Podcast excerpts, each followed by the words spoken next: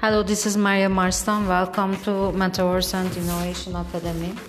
Today we talk about you know, definitions uh, and uh, theory of living labs. Uh, the concept of living lab was first introduced by William Mitchell. Uh, Mitchell has proposed to move uh, innovation research from the artificial uh, to the real environment. Uh, living labs, uh, therefore, um, have found a place in pro- practice as uh, developer environments uh, where, uh, where researchers find inspirations by observing citizens and test their hypotheses through experience. In the last 40 years, the role of the citizen in contributing to the uh, smart city planning process has increased uh, with uh, you know internet taking a substantial role in our lives. Uh, living lab aims to evaluate exemplary and valid solutions from a citizen's point of view in real life conditions and uh, to involve citizens. Uh, citizen oriented innovation projects uh, related to uh, living labs have emerged in Europe uh, when, since the early 2000s, uh, cities such as Barcelona, um, Helsinki, and Manchester were named as uh, knowledge cities.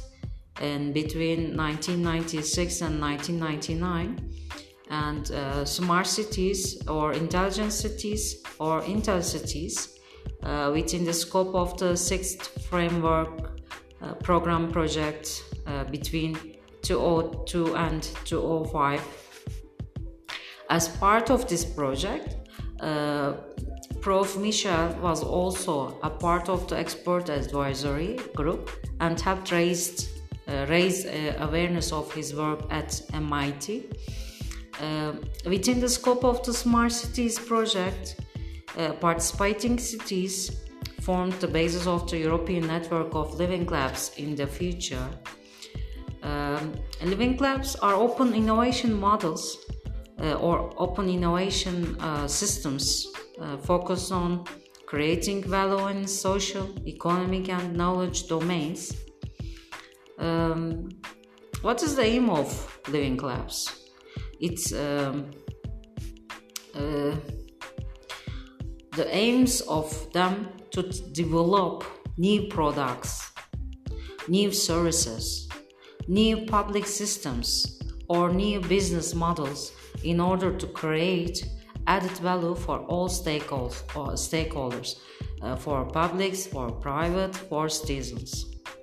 Living labs are citizen centered and the citizen is actively involved in every stage of co-creation design planning development or implementation uh, living labs are suitable environments for citizens to use their potential for co-creation in the field of information and communication technologies uh, in the research and development process uh, developing new services are ideal environments for citizen centered innovation practices for providing new services online.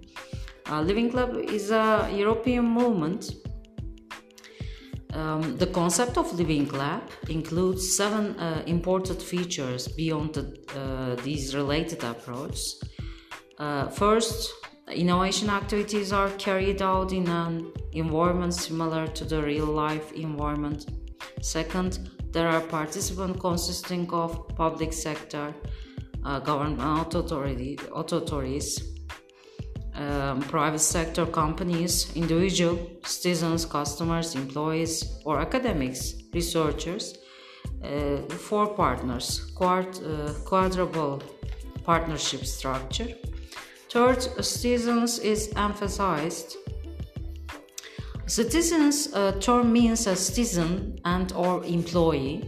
In the report prepared by Core Labs, the you know um, coordination unit, citizens and employees are defined as a uh, as co-creators of innovation, as end users, you know end users is very impo- very important. In this um, for um, the projects carried out in living labs are more developed than the test environment and the field experiments. But they are less completed than the pilot projects um, there are many stakeholders in living labs stakeholders have more than one role Collaborations between stakeholders, uh, which are among the principles of the uh, open innovation approach, are among the most important features of Living Labs. Have a nice day.